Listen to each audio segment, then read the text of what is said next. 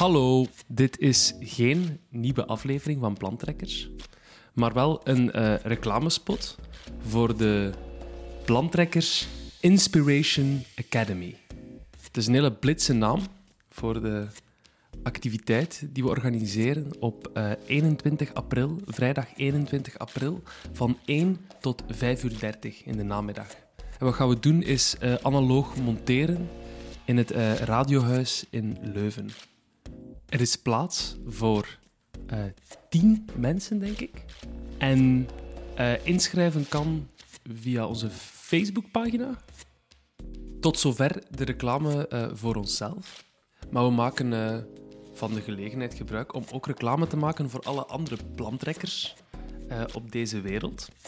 In tegenstelling tot deze rustige en minimalistische reclamespot voor onszelf, hebben we voor hen eh, ja, wel alle jingle-trucken eh, van de voor gebruikt. En hebben we heel springerige en enthousiaste reclamespots gemaakt.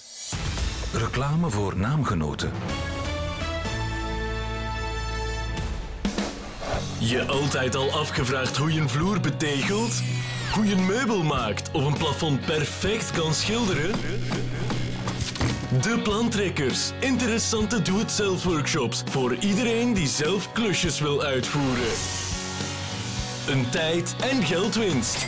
Alle info deplantrekkers.be En check ook zeker De Plantrekkers, een boek van Helene de Bruyne. Een aangrijpende roman over verschillende mensen en nationaliteiten in een Vlaams provinciestadje met een overschot aan verkeersdrempels. Een verhaal over grote problemen in kleine ruimtes, waarbij het grootste probleem de zelfbegoocheling van de mens is.